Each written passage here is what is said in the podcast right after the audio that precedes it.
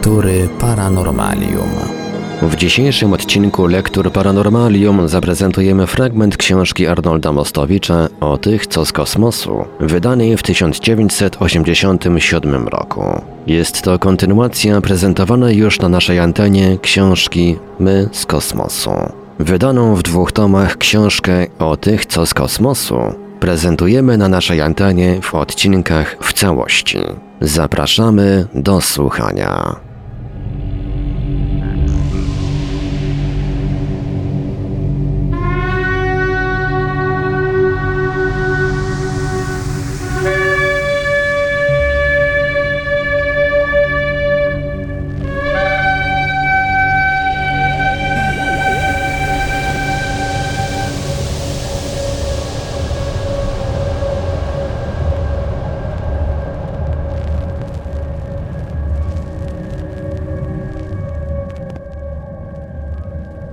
Następne powiedzmy nieporozumienie, które chciałbym tu wyjaśnić, to sprawa kamieni z Ika. Przypomnę tylko, że w Ika w Peru od szeregu lat odnajduje się liczne, bardzo różnej wielkości czarne kamienie. Są to andezyty pochodzenia wulkanicznego, pokryte niezwykle interesującymi rysunkami. Rysunki te są raczej wyryte na czarnym podłożu kamieni.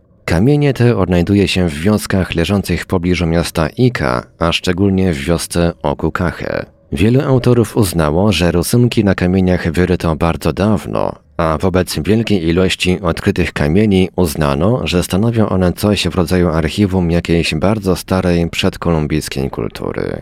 Najniezwyklejsza jest jednak treść tych rysunków. Przedstawiają one bowiem bądź elementy techniki, lupa, teleskop, świadczące o wysokim stosunkowo poziomie cywilizacyjnym, bądź zwierzęta, wielkie jaszczury, których autorzy rysunków znać nie mogli, bądź też wreszcie we fragmentach lub w całości jakieś zabiegi operacyjne, walki, podróże po morzu i tym podobne. Większa część odnalezionych kamieni stanowi własność doktora Javiera Cabrery Darka, lekarza z IKA. Niezwykłym tym znaleziskom pierwszy wiele uwagi poświęcił Robert Charoux, później również i Erich Daniken. Pisałem i ja o nich w poprzedniej mojej książce. Rysunki wyryte na czarnych kamieniach Snika są tak niezwykłe, że dziwić się nie należy, iż wywołały wśród specjalistów duże kontrowersje. A niemała część tych fachowców, by wszelkie kłopoty dotyczące pochodzenia tych kamieni mieć z głowy, uznała je wszystkie za falsyfikaty.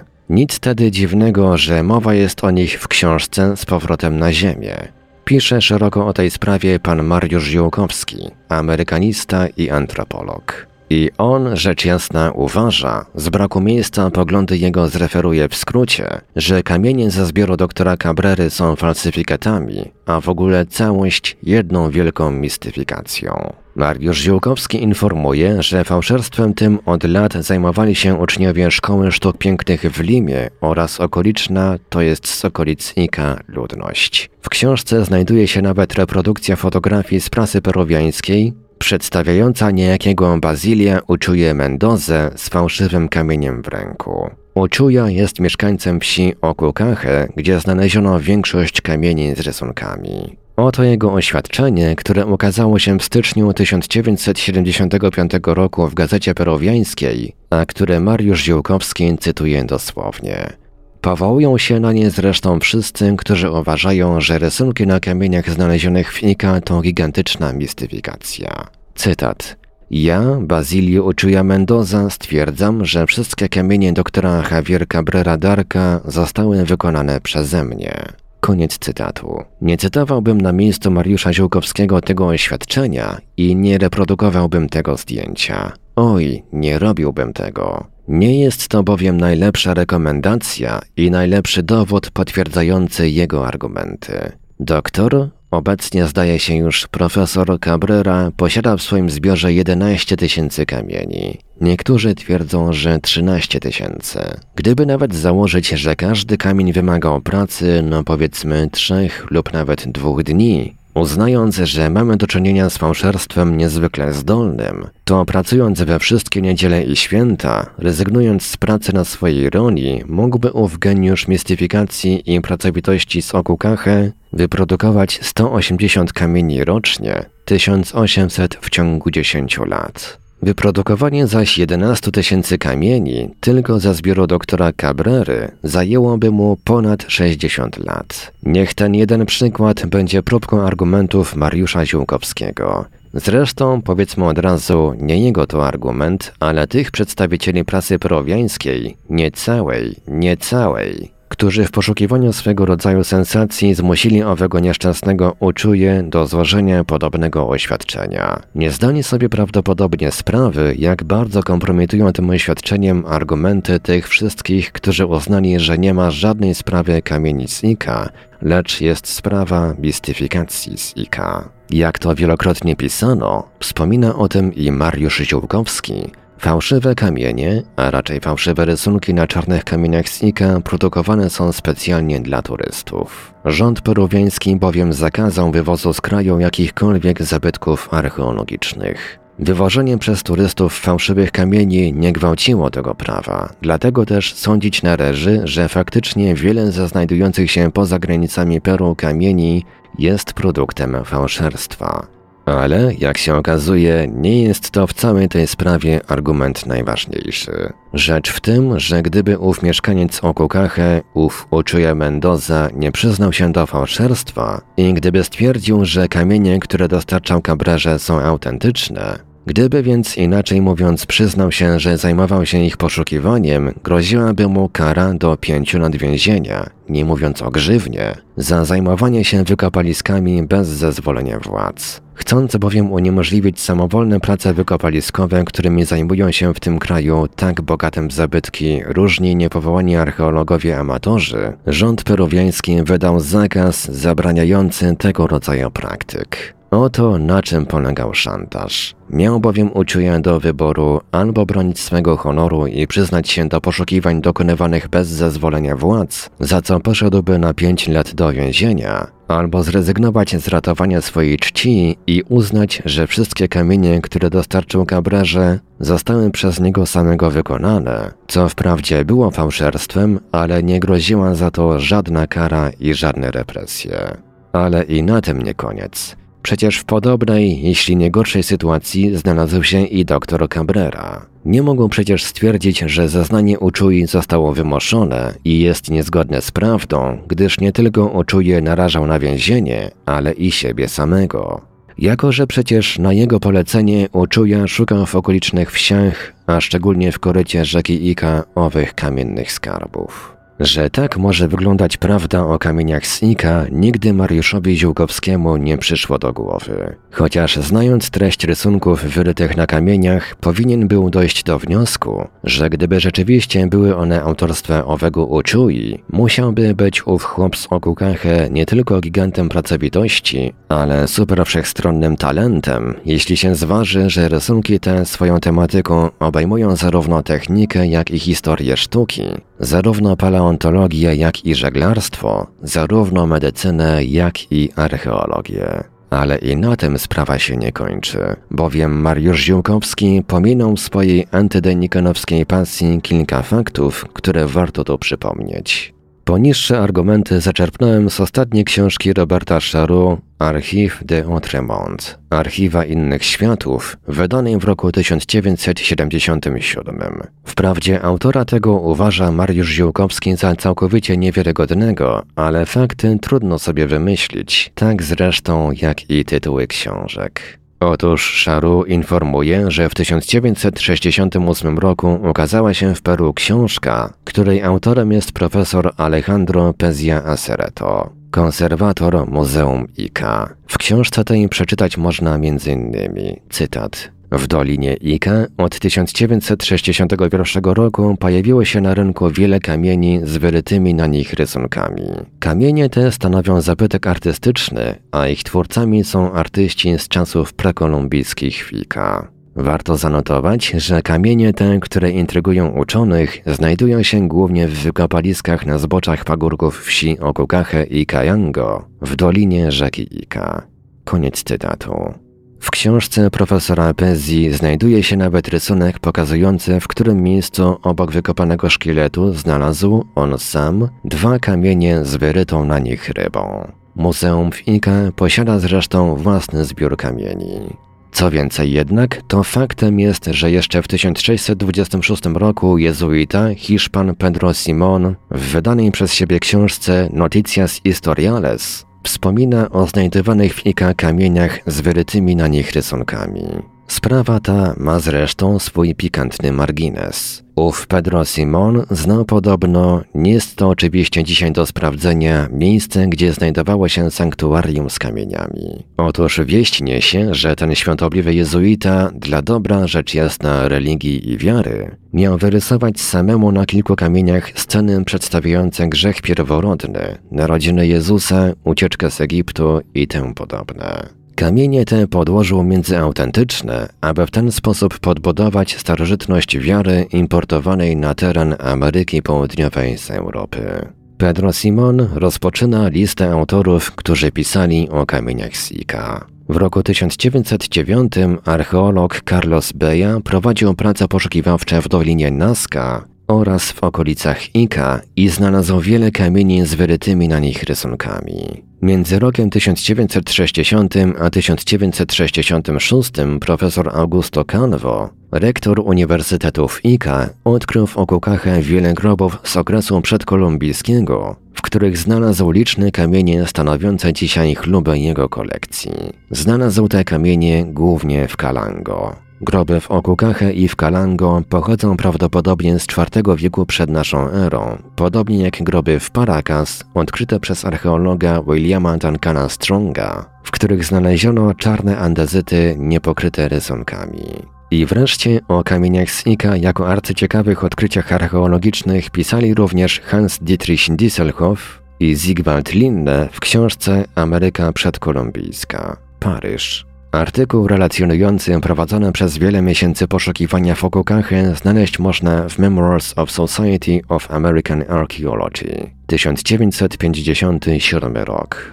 Oprócz wspomnianej już książki profesora Alejandra Pezzi Acerety, Charu cytuje jeszcze album Historico Civilización Nazca Carlosa Belli z roku 1921 i Prospero Belli El Secreto de los Nazcas z roku 1950. Cytuję tak obficie materiały z książki Roberta Szaru dlatego przede wszystkim, aby pokazać do czego doprowadzić może zacietrzewienie, którego przykładem jest rozdział napisany przez Mariusza Ziółkowskiego. Zacietrzewienie nigdy nie było dobrym doradcą w podobnych dyskusjach. Powoduje ono, że miast badać wszystkie argumenty rzucone na szale dyskusji naukowych, wykorzystuje się jedynie te, które podtrzymują z góry założoną tezę. We wstępie do książki Z powrotem na Ziemię profesor Andrzej Wróblewski pisze o kamieniach Snika jako o wielkiej mistyfikacji i bez wysłuchania argumentu strony przeciwnej zakłada, że dowody Mariusza Ziółkowskiego są ostateczne. Cała sprawa może nie jest tak ważna, ale jakże typowa dla dyskusji wokół zagadek z przeszłości naszej cywilizacji. Niech mi wolno będzie na zakończenie zacytować również z prasy peruwiańskiej oświadczenie pani Zinaidy Gallegos, profesora prehistorii, która w piśmie La Prensa z 5 lutego 1975 roku pisze, cytat Wszędzie w IKA mówi się obecnie i spekuluje na temat tych kamieni, a szczególnie na temat kolekcji doktora Cabrery Darka, który całkowicie jej się poświęcając stał się ofiarą bardzo nieprzychylnych komentarzy. To już prawie jakaś tradycja, że uznaje się za niepoczytalnych ludzi, którzy podtrzymują tezy rewolucyjne. Koniec cytatu. Profesor Zinaida Gajego uważa, że kamienie Sika są autentyczne, na dowód czego dała się sfotografować dla prasy z takim kamieniem w ręku. A oto jeszcze oświadczenie pułkownika Omara Ciojno Karauzy, konserwatora jednego z największych muzeów w Limie, Muzeum Aeronautyki. Cytat. Zbiór doktora Cabrery jest niewątpliwie autentyczny, być może z wyjątkiem, ale to nie jest udokumentowane kilku kamieni, które przypadkowo mogły się znaleźć w tej wielkiej kolekcji. Koniec cytatu.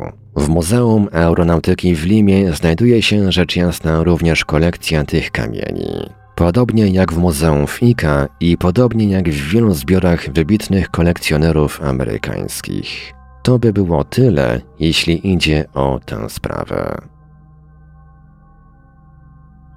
Kilka słów o Stonehenge. Jak wiadomo, jest to Cromlech, czyli budowla megalityczna w kształcie koła. Stonehenge znajduje się w Anglii, a jego budowę rozpoczęto prawdopodobnie około 4500 lat temu. Cromlech w Stonehenge jest tylko jedną z wielu budowli megalitycznych rozsianych właściwie po całym świecie, a szczególnie w Anglii, we Francji, Hiszpanii, na Korsyce, głównie w pobliżu zachodnich brzegów Europy.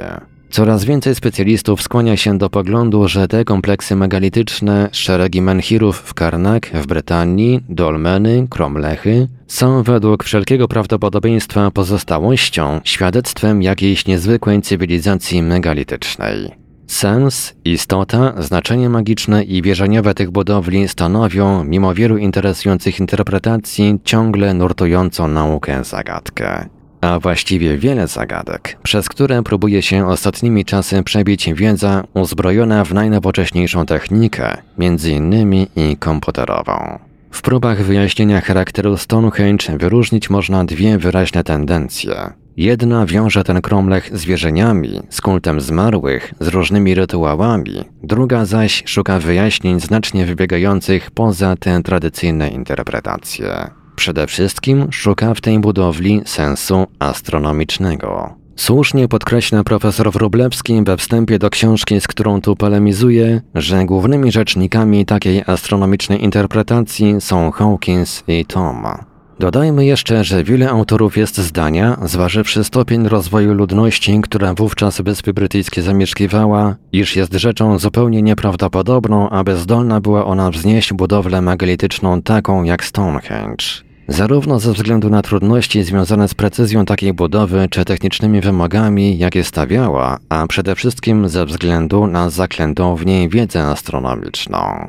Dla pana Jacka Lecha, prehistoryka, autora rozdziału z najdawniejszej historii człowieka, zajmującego się w książce z powrotem na Ziemię megalitami, wszystko jest tu właściwie jasne. Żadnych tajemnic budowla ta nie kryje. Niestety, miejsce nie pozwala mi na pełniejsze zacytowanie wywodów Jacka Lecha, ale kilka jego opinii muszę tu przytoczyć. Cytat. Badania Thoma oraz Hawkinsa, pisze Jacek Lech, wykazały niewątpliwie związki wielu konstrukcji megalitycznych z obserwacjami nieba, przede wszystkim Słońca oraz Księżyca, mającymi praktyczne znaczenie kalendarzowe istotne dla społeczności rolniczych i w różnym zakresie zawsze przez nie uprawianymi.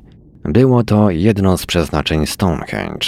Trudno mieć pewność, czy wszystkie możliwe do uchwycenia dzięki megalitom zależności astronomiczne były rzeczywiście artykułowane przez ich budowniczych. Prehistorycy zarzucają niekiedy astronomom, iż tak jak w przypadku Stonehenge mają skłonność do projekcji własnego stanu wiedzy na pozostałości sanktuarium. Koniec cytatu. Oczywiście, astronomowie mogliby zarzucić prehistorykom, że to oni właśnie mają skłonność do projekcji pewnych schematycznych koncepcji prehistorii człowieka na sens i cele budowli megalitycznych. Ale przecież nie o takie odbijanie piłki tu idzie bowiem Jacek Lech nie próbuje nawet dokładnie wyjaśnić, na czym polegają koncepcje Hawkinsa. Nic zresztą dziwnego. Musiałby bowiem wyjaśnić, jakimi drogami doszli budowniczowie Stonehenge do wiedzy, którą astronomiczna interpretacja celu tej budowli zakłada. Według koncepcji tego uczonego, centralnym elementem tych obserwacji i obliczeń, obliczeń były tak zwane jamy Obreya, 56 jam stanowiących jeden z kręgów kromlechów Stonehenge. A co pisze na temat przeznaczenia tych jam Jacek Lech? Cytat. Biorąc pod uwagę niezwykle rozwinięty kult przodków towarzyszący megalitom, nie jest to wszakże wcale udowodnione. Przypis Arnolda Mostowicza, pogląd o ofiarnym przeznaczeniu 56 jam wydaje się prawdopodobny. Koniec cytatu. Natomiast dla Hawkinsa owych 56 jam Obreya wiąże się z przeznaczeniem astronomicznym Kromlechu, a przede wszystkim z tak zwanym cyklem Metona. Co to jest cykl Metona?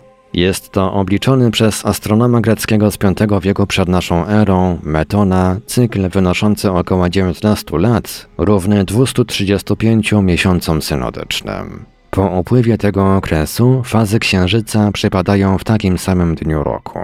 Wobec tego jednak, że cykl Metona wynosi nieco mniej niż 19 lat, 18,61. Dla okrągłych obliczeń przyjmuje się cykl większy, wynoszący 56 lat. Dwa razy po 19 i raz 18 lat, równe trzem cyklom Metona. Otóż Hawkins udowodnił ponad wszelką wątpliwość, że owych 56 jam Obreya to 56 lat trzech cykli Metona. Przy czym uczony amerykański nie ograniczył się do gołosłownego twierdzenia, ale wykazał na wielu przykładach, jak posługując się jamami i kamieniami przewidzieć można lata zaćmień Księżyca i Słońca.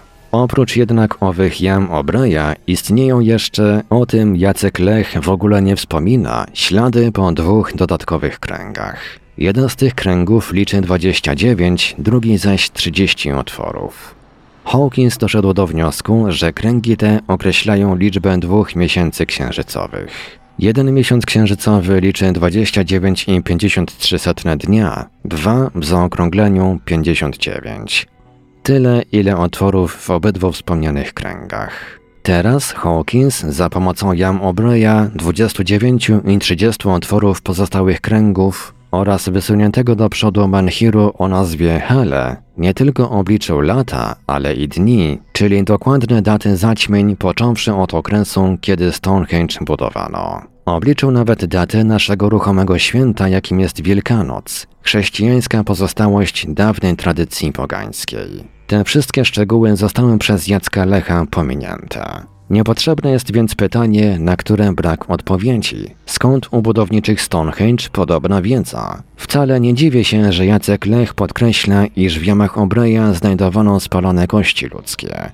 To zwalnia go z innych hipotez dotyczących wykorzystania tych jam. A przecież mogły być one dla celów obrzędowych, to jest dla spalania kości zmarłych, wykorzystane w okresie późniejszym. Jacek Lech, jeśli idzie o Stonehenge, opiera się wyłącznie na pracach O.J.C. Atkinsona, zdecydowanego przeciwnika wszelkich prób astronomicznego interpretowania kromlechów Stonehenge.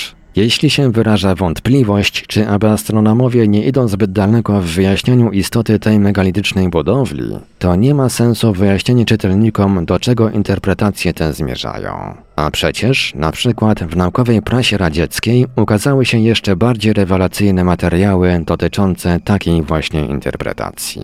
Nie twierdzę bynajmniej, że to, co głoszą Amerykanin Hawkins czy Aleksander Trebuchin ze Związku Radzieckiego jest jedyną słuszną próbą wyjaśnienia charakteru tego zagadkowego sanktuarium, jakim jest Stonehenge. Ale też na pewno nie należy uważać za zbrodnię, jeśli ktoś pod poglądami tych archeoastronomów podpisuje się obydwoma rękami. Erich Däniken nie tylko uważa poglądy te za przekonywające, ale stawia ponadto kropkę nad i w postaci konkluzji paleoastronautycznych. Przecież dziesiątki bardziej miarodajnych autorów czyniło to samo. I przed nim, czyż nie zmierzają w tym samym kierunku również rozważania wybitnego astronoma Freda Hoyla, o którym zresztą Jacek Lech wspomina? W roku 1966 pisał Fred Hoyle na łamach czasopisma Antiquity, cytat Przypuśćmy, że lądowaliśmy gdzieś w innym systemie planetarnym z inną Ziemią, z innym Księżycem, z innym Słońcem. I jako jedyne wyposażenie posiadamy sznury, kamienie i drewniane słupy. W jaki sposób będziemy, na przykład, mogli przewidzieć zaćmienia? Koniec cytatu. Hoyle wyjaśnia dalej, że zważywszy ubóstwo materiału, jaki ów astronom czy astronauta miałby do swego użytku, zbudowałby on instrument bardzo duży, który pozwoliłby doprowadzić do minimum niewątpliwe błędy obliczeniowe. A ów instrument skonstruowałby w planie poziomym. Jednym słowem, powstałoby takie obserwatorium, jakim jest Stonehenge. Zresztą w dalszej interpretacji Hoyle nie zgadza się z poglądami Hawkinsa. Uważa na przykład, że układ kamieni w Stonehenge służył do dokładnego obliczenia pór roku. Uważa też, że jamy Obraya nie były maszyną matematyczną, ale raczej instrumentem do wyliczania kątów niezbędnych dla ustalania daty zaćmień. Ale to już sprawy nie nadające się do roztrząsania w tym miejscu. Warto przy okazji przypomnieć, jak Hoyle tłumaczy obecność wypalonych kości w jamach Obreya. Cytat. Wczesnym rankiem blask słońca uniemożliwia dokładne obserwacje, lecz nieco dymu wywołanego przez niewielki ogień z odpowiednich miejsc pozwoliłoby obserwować bez przeszkód tarczę słońca. Koniec cytatu. Powtarzam, skrzętne pomijanie istoty poglądów Thoma, Hawkinsa czy Hoyla, tak jak to czyni Jacek Lech, jest wprowadzaniem czytelnika w błąd. Ponadto z wywodów autora można by sądzić, że wszyscy archeologowie czy prehistorycy reprezentują identyczne poglądy na Stonehenge, a przecież tak nie jest. Na przykład pani Jacket Hawks, którą Jacek Lech wymienia w bibliografii końcowej, uważa, że astronomowie w ogóle nie mają prawa wypowiadać się w sprawach Stonehenge, jako że wznoszono tę budowlę przez wiele wieków, a dokonywanie obliczeń na podstawie łączenia elementów wznoszonych w różnych okresach jest niedopuszczalne. Jest to kwintesencja wszystkich antyastronomicznych argumentów. A przecież rzeczą najważniejszą jest obliczenie, czy dane astronomiczne dostarczone przez takie obserwatorium jak Stonehenge są dziełem przypadku, czy nie. A poza tym, dlaczego nie założyć, że całe generacje budowniczych kapłanów przechowywały w ciągu wieków tradycje metod pozwalających ulepszyć obserwacje astronomiczne? W sprawach tych, jak zresztą w wielu innych tu poruszanych, nie jestem fachowcem. Docierają do mnie jedynie skrawki dyskusji, jakie toczą się na podobne tematy wśród prehistoryków. W książce zbiorowej wydanej przez grupę Kadat w pracach tej grupy, cieszące się uznaniem uczonych francuskich, biorą udział zarówno amatorzy hobbyści, jak i najwybitniejsi uczeni z różnych zakresów specjalności, a poświęconej menhirom w Karnak 4000 szeregowo ustawionych menhirów Autorami kilku istotnych pozycji są profesor Aleksander Thom oraz jego syn. Książka nosząca tytuł Karnak Brama do Nieznanego, Paryż 1981 rok, oparta jest na niezwykle sumiennie przeprowadzonych obliczeniach, badaniach i spostrzeżeniach zarówno z zakresu elektromagnetyzmu, lingwistyki, archeologii, jak i astronomii i zawiera tak daleko idące wnioski, że autorom z powrotem na Ziemię na czas dłuższy spędziłyby sens oczu. Jedna grupa wniosków, a formułuje je przede wszystkim profesor Aleksander Thom, głosi, że wszystkie większe budowle megalityczne mają charakter astronomiczny i świadczą o tym, że 4700 lat temu ludzie, którzy wznosili te megality, posiadali oszałamiającą wiedzę astronomiczną i matematyczną. Co więcej, wiedza ta miała wyłącznie poznawczy, podstawowy charakter, bez żadnego, jakbyśmy to dzisiaj sformułowali, celu wdrożeniowego, czyli praktycznego. Nie była bowiem ta wiedza niezbędna dla żadnych praktycznych potrzeb, ani dla potrzeb rolnictwa, ani do ustalenia godzin przepływów i odpływów i temu podobne. Druga grupa wniosków, które profesor Thom w jakimś sensie akceptuje, dotyczy związków między budowlami megalitycznymi a polem magnetycznym Ziemi. Gdyby po należycie przeprowadzonych badaniach wnioski te okazały się słuszne, świadczyłoby to również o niezwykłej, niezwykłej jak na warunki życia sprzed prawie 50 wieków wiedzy. Podobną wiedzę my dzisiaj dopiero zdobywamy. Coraz bardziej zdajemy sobie sprawę z tego, że pole magnetyczne Ziemi ma ogromny wpływ na życie biologiczne naszej planety. Wystarczy wspomnieć tu o biorytmach podlegających wpływom tzw. Tak plam słonecznych. Ale to już zupełnie inna sfera rozważań. Ostatni rozdział książki o Manhirach w Karnak, stanowiący w jakimś sensie jej konkluzję, napisany został przez Pierre Mero, jedną z głównych postaci grupy Kadat i jak się wydaje redaktora tej książki.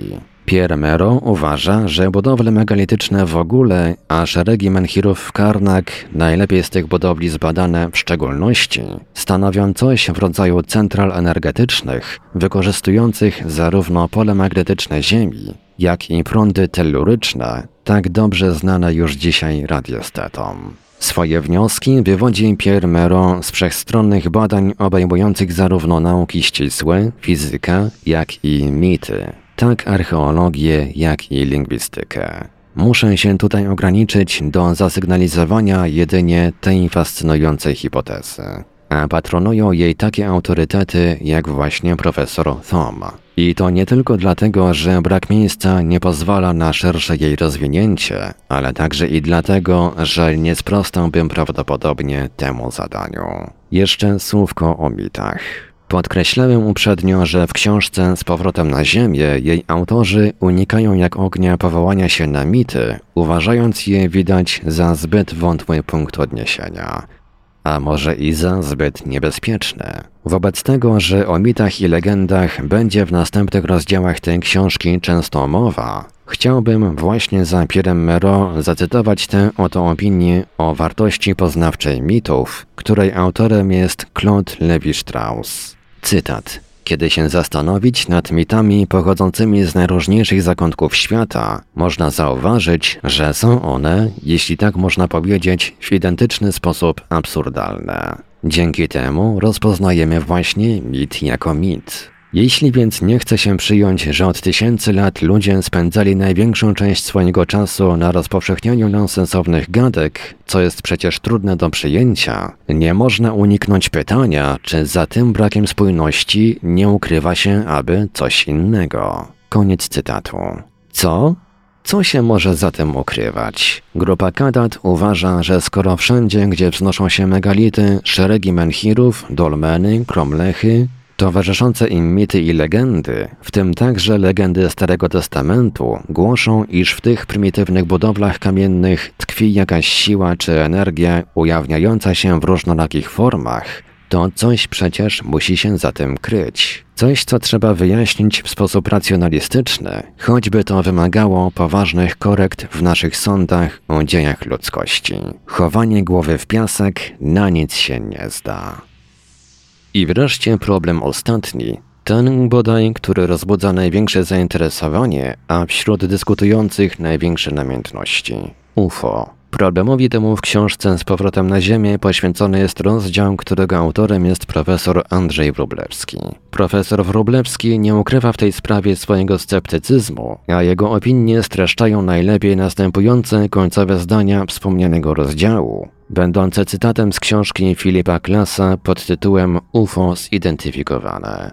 Cytat. Idea cudownych statków kosmicznych odległej cywilizacji jest baśnią, w której każdy może stać się pierwszoplanowym uczestnikiem, kierując uważne oczy ku niebu. Mit o gościach pozaziemskich będzie trwał pomimo tej książki choćby dlatego, że tak wiele można zobaczyć UFO naturalnych, jak również UFO wykonanych przez człowieka i ponieważ tak wiele ludzi chce wierzyć. Koniec cytatu. Całość dyskusji sprowadza się właściwie do odpowiedzi na pytanie, czy problem UFO to jedynie problem psychozy UFO, mitu UFO, czy też problem statków kosmicznych z innych światów. Nie uważam, by profesor Wróblewski odpowiedział na to pytanie w sposób obiektywny. Obiektywizm w wyjaśnieniu problemu UFO mógłby wykazać, przytaczając, oprócz mnóstwa niewątpliwie autentycznych przykładów omyłek, psychozy, fałszowania danych, mistyfikacji, szalbierstwa, choćby jeden, przynajmniej jeden fakt, który uznałby za zastanawiający, za skłaniający do przypuszczenia, że rzeczywiście dotyczy on być może statku kosmicznego z innych światów. A przecież tacy autorzy jak Hynek czy Wali, których kompetencji profesor Wroblewski nie neguje, przytaczają podobnych faktów niemało. A skoro mówimy o faktach, właśnie Hynek, Wali czy Cooper byli tymi specjalistami uczonymi, którzy w listopadzie 1978 roku poparli złożony przez rząd Grenady na Zgromadzeniu Ogólnym ONZ wniosek, by przy tej organizacji stworzyć specjalny Departament Badań nad UFO. Wniosek ten nie uzyskał wymaganej większości głosów. Natomiast sesja ONZ uchwaliła wówczas w 1978 roku następującą rezolucję. Cytat. Zgromadzenie Ogólne ONZ wzywa swoich członków zainteresowanych tym problemem, aby podjęli wszelkie dyspozycje w skali narodowej umożliwiające badania naukowe dotyczące życia pozaziemskiego, włączając w to niezidentyfikowane obiekty latające. Sekretarz generalny ONZ powinien być informowany o badaniach i ocenie zaobserwowanych wypadków. Koniec cytatu.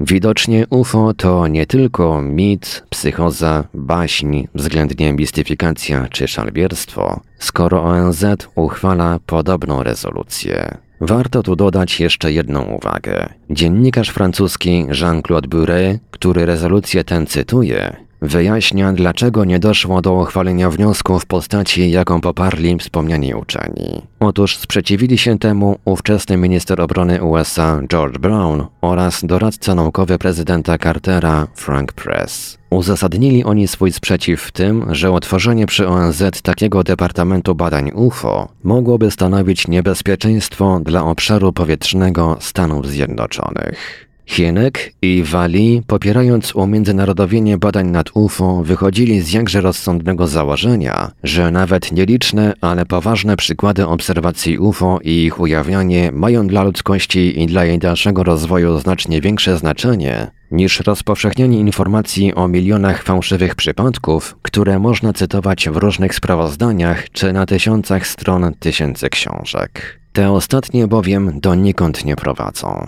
Nic z nich nie wynika. Jeśli sprawa UFO znalazła się w sferze zainteresowania ONZ, to oczywiście nie tylko dlatego, że tacy uczeni jak Hynek czy Wali uznali ją za ważny problem naszych czasów. Wiemy doskonale, że głos uczonych niełatwo dociera do uszu polityków, a jeszcze większe ma trudności, aby polityków tych o czymś przekonać.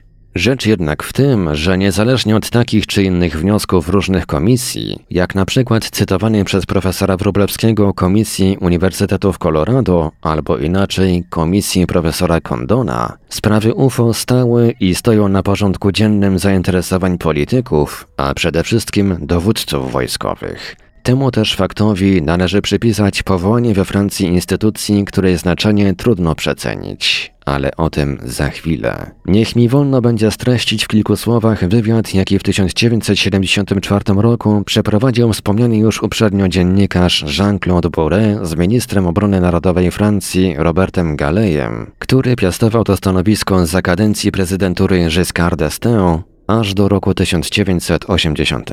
Nie muszę więc podkreślać, jak wielkie znaczenie ma w interesujących nas tu sprawach UFO opinia polityka tej klasy. Na pytanie dziennikarza, dlaczego minister obrony narodowej Francji zgodził się stanąć przed mikrofonem, wywiad przeprowadzony był przez radio, by wypowiedzieć się w tej tak kontrowersyjnej sprawie, Gali wyjaśnił, że w Ministerstwie Obrony utworzono specjalny wydział, który zbierał wszystkie świadectwa dotyczące UFO. Do roku 1970 dokładnie przebadano 50 niewzbudzających wątpliwości relacji. Chodziło o relacje oficerów żandarmerii narodowej, a przede wszystkim o obserwacje radarowe. Gali podkreślił, że wprawdzie Francja nie współpracowała w tej dziedzinie z innymi krajami, ale jest mu wiadome, że za granicą od dawna interesowano się podobnymi zjawiskami. Nasze ministerstwo, mówił dalej Gali, stwierdziło jednak z całą pewnością, że od strony owych niezidentyfikowanych tajemniczych obiektów nie grozi Francji żadne niebezpieczeństwo i dlatego postanowiło już wówczas przekazać całą sprawę instytutom badawczym. Niemniej, zapytał Bure,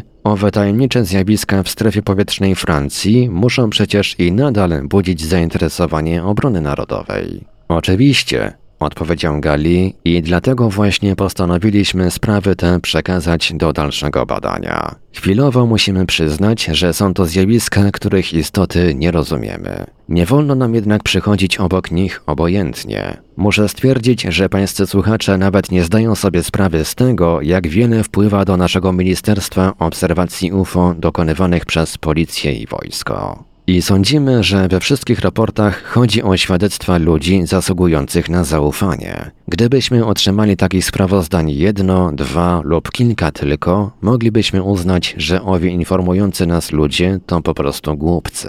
Ale przecież takich obserwacji jest wiele. Kończąc, muszę powiedzieć, że trzeba się tą sprawą zająć. Trzeba stanąć z nią twarzą w twarz. Nie wolno nam podawać wątpliwość autentyczności zeznań świadków, o których nie mamy powodu wątpić, że są ludźmi uczciwymi i rozsądnymi. Koniec cytatu.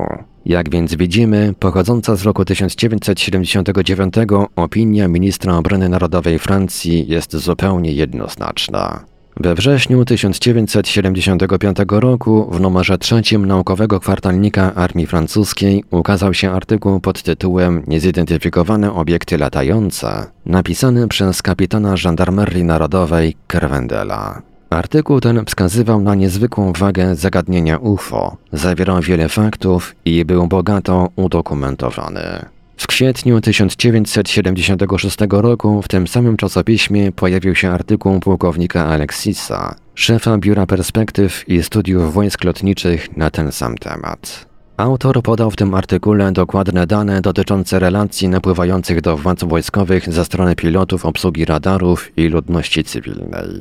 8% tych relacji uznano za sprawozdania dotyczące obiektów nie dających się w żaden sposób zidentyfikować. Nie należy się tedy dziwić, że właśnie we Francji powstała pierwsza oficjalna państwowa instytucja naukowa zajmująca się wyłącznie sprawami UFO. Instytucja ta powołana została w roku 1977 przy Narodowym Ośrodku Badań Kosmicznych, w skrócie CNES. Centre National d'Études Spatiales. Działa ona w charakterze sekcji, której skrót brzmi GEPAN – Groupe d'études de phénomènes aérospatiaux. Zresztą w łonie CNS wielu specjalistów od dawna interesowało się problematyką UFO. Jednym z nich był inżynier Pierre Petit, którego badania nad przypuszczalnymi źródłami energii, z których korzystają niezidentyfikowane obiekty latające, ogłaszane były w prasie polskiej. Zajmował się również problematyką UFO dr Claude Poher, który został pierwszym kierownikiem GPO. Po nim w roku 1978 objął to stanowisko dr Alain Esterl i właściwie od tego okresu, to jest od 1978 roku, można mówić o ściśle naukowych pracach tej placówki. Nie miejsce tu, by szczegółowo opisać metody i zasady pracy GPA. Wydane przez tę placówkę materiały instruktażowe wskazują, jak poważnie podchodzi jej kierownictwo do sprawy UFO. Zatrudnionych jest tu na stałe dwóch pracowników z wysokimi kwalifikacjami naukowymi, a dziesięciu innych naukowców z CNES stale z GPA współpracuje. Podkreślić trzeba, że powołanie GPO, mieści się ten ośrodek w Tuluzie, świadczy jeszcze o czymś istotnym. O tym mianowicie, że wspomniany przeze mnie słynny raport Uniwersytetu w Colorado, raport, na który powołują się wszyscy przeciwnicy uznania UFO za obiekty realne, nie zadowolił wielu poważnych naukowców i wiele ośrodków naukowych. Sprawozdanie to uznane zostało nawet za szkodliwą próbę mającą na celu zahamowanie dalszych badań tego zjawiska. We wstępie do dokumentu, który uzasadnia powołanie do życia GEPA jest właśnie o tym mowa, ze szczególnym uwzględnieniem dowodów świadczących o zdezaktualizowaniu się raportu profesora Condona z Colorado. Nie ulega wątpliwości, że prace GEPA ciągnąć się będą przez wiele lat. Miejmy nadzieję, że zostaną opublikowane. Kierownik tej placówki, Alain Esterl, zabierając głos na temat zadań i perspektyw GEPA, Mówię tu o artykule, który ukazał się w 1980 roku w jednym z najpoważniejszych pism popularno-naukowych na świecie, La Recherche. Powiedział m.in. cytat, że niezidentyfikowane zjawiska zachodzące w przestrzeni powietrznej stawiają przed nauką poważny problem, nie ulega dzisiaj wątpliwości. Wobec tego, że łączą się tutaj dwa czynniki, fizyczny i psychiczny, droga, jaką obraliśmy, jest jedyną, którą możemy kroczyć, pozostając wierni nauce i uczciwości. Obecna faza naszych badań pozwoli umiejscowić cały problem w stosunku do nauk ścisłych i do nauk humanistycznych. Będzie tego można dokonać przez systematyzację zebranych danych, przez rozwój niektórych badań cząstkowych i poprzez uogólnienia dokonane na podstawie tych właśnie cząstkowych badań. Dopiero po tej pierwszej fazie, po precyzyjniejszym zdefiniowaniu całego problemu, będzie można przystąpić za pomocą środków, których zakres zostanie ustalony na podstawie osiągniętych wyników do zaatakowania całości zjawiska. Koniec cytatu.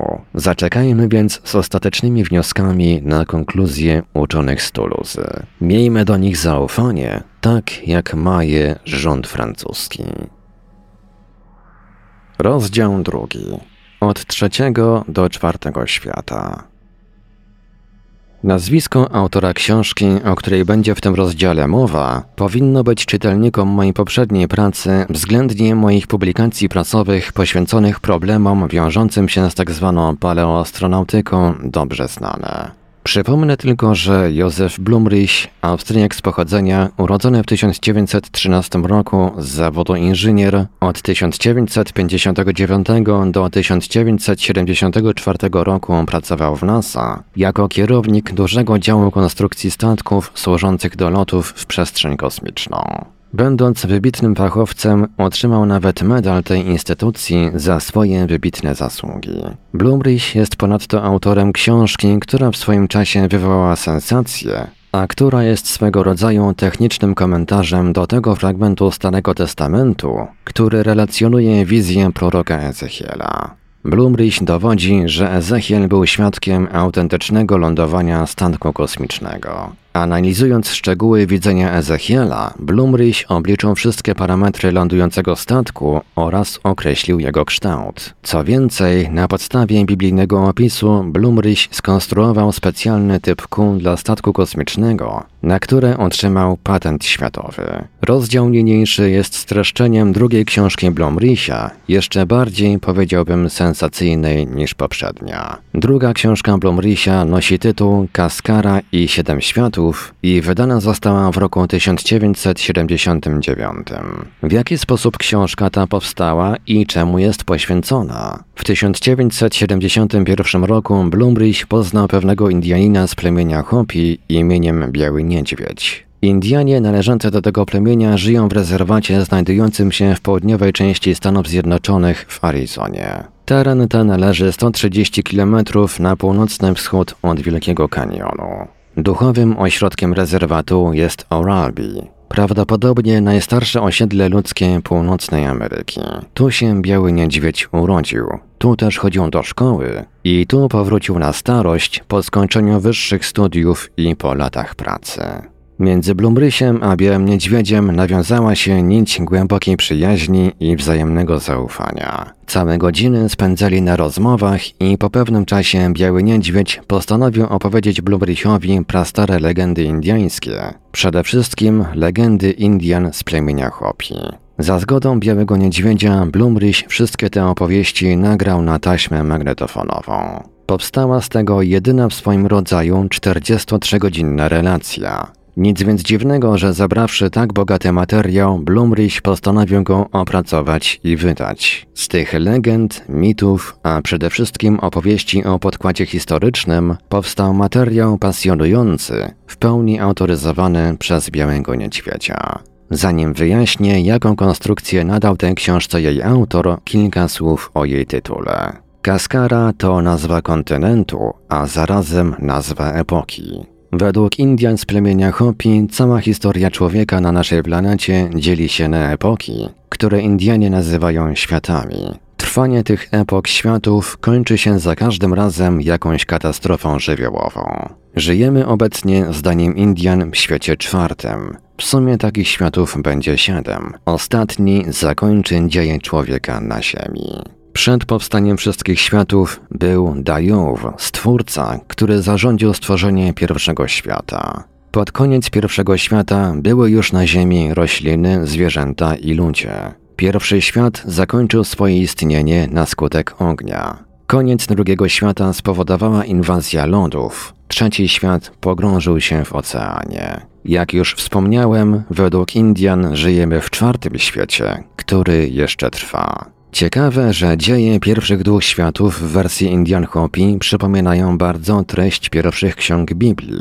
Oczywiście trudno to wykluczyć wpływ lektury Starego Testamentu na treść tych legend, aczkolwiek charakter pozostałych relacji, szczególnie w ich warstwie historycznej, pozwala w jakimś sensie uznać ich autentyczność i niezaprzeczalną oryginalność. Trzeci świat nosi w legendach Indian Hopi nazwę Kaskary. Blumrich, pisząc tę nazwę, umieszcza nad pierwszą sylabą akcent. Jeśli idzie o mnie, to z tego znaku zrezygnowałem, jako że nie odgrywa on tu większej roli. Nazwę Kaskary nosił kontynent, który miał istnieć na wielkiej części powierzchni Pacyfiku. Tu właśnie, w Kaskarze, rozgrywa się pierwszy akt opowieści Białego Niedźwiedzia. Dodajmy, że sama książka podzielona jest na dwie części. Pierwsza, mniej więcej jedna czwarta książki, to relacja Białego Niedźwiedzia tak, jak ją nagrał Blumrich. Zresztą rozmówca Blumrisia brał udział w jej redagowaniu. Drugą natomiast część książki stanowi komentarz autora. Komentarz ten polega na weryfikacji legend indyjskich w świetle współczesnej wiedzy historycznej, badań archeologicznych, geografii, geologii czy etnografii. Komentarzem tym, świadczącym o olbrzymiej erudycji autora, stara się Blumrich odpowiedzieć na pytanie, w jakiej mierze współczesna nauka potwierdza to, co od dawien dawna przekazują sobie Indianie Hopi z pokolenia na pokolenie, względnie w jakim sensie jest z tymi relacjami sprzeczności. Blumrich podkreśla, że weryfikacja ta jest całkowicie niepotrzebna Indianom, gdyż i tak nic zachwiać nie może ich wiary w autentyczność tych legend. Ta konfrontacja z nauką jest potrzebna nam, sceptykom. Zresztą w tych przypadkach, kiedy legendy stoją w sprzeczności z naszą wiedzą o czasach przeszłych, Blumrich bynajmniej nie twierdzi, że to właśnie nauka ma rację. Jeśli tylko zebrany materiał na to zezwala, Blumrich wskazuje, w jakiej mierze tak zwana zinstytucjonalizowana wiedza, jeśli idzie o sprawy będące treścią tych legend, jest fragmentaryczna, a nierzadko dogmatyczna. Konfrontacja dwóch nurtów ludzkiego poznania, tego płynącego z zabranej dotychczas wiedzy i tego płynącego z wiedzy i tradycji Indian, może przydać się tylko nam, a często uczy skromności, jaka powinna obowiązywać wobec fascynujących swoim bogactwem, sięgających w zamierzchłą przeszłość przekazów, które w większej czy mniejszej mierze są przecież autentycznym śladem, jaki przeszłość ta w świadomości społecznej pozostawiła. Streszczając tę książkę, postąpiłem tak jak Blumrich. Starałem się oddzielić opowieść Białego Niedźwiedzia od komentarza naukowego, aczkolwiek nie wszystkie elementy relacji Indianina pozostawiłem bez własnej opinii. Czytelnik dostrzeże być może w tak przedstawionej całości pewne luki. Są one moją winą, a nie autorów Białego Niedźwiedzia i Blumricha, gdyż zagęszczając cały materiał musiałem dokonywać wyboru, być może nie zawsze trafnego.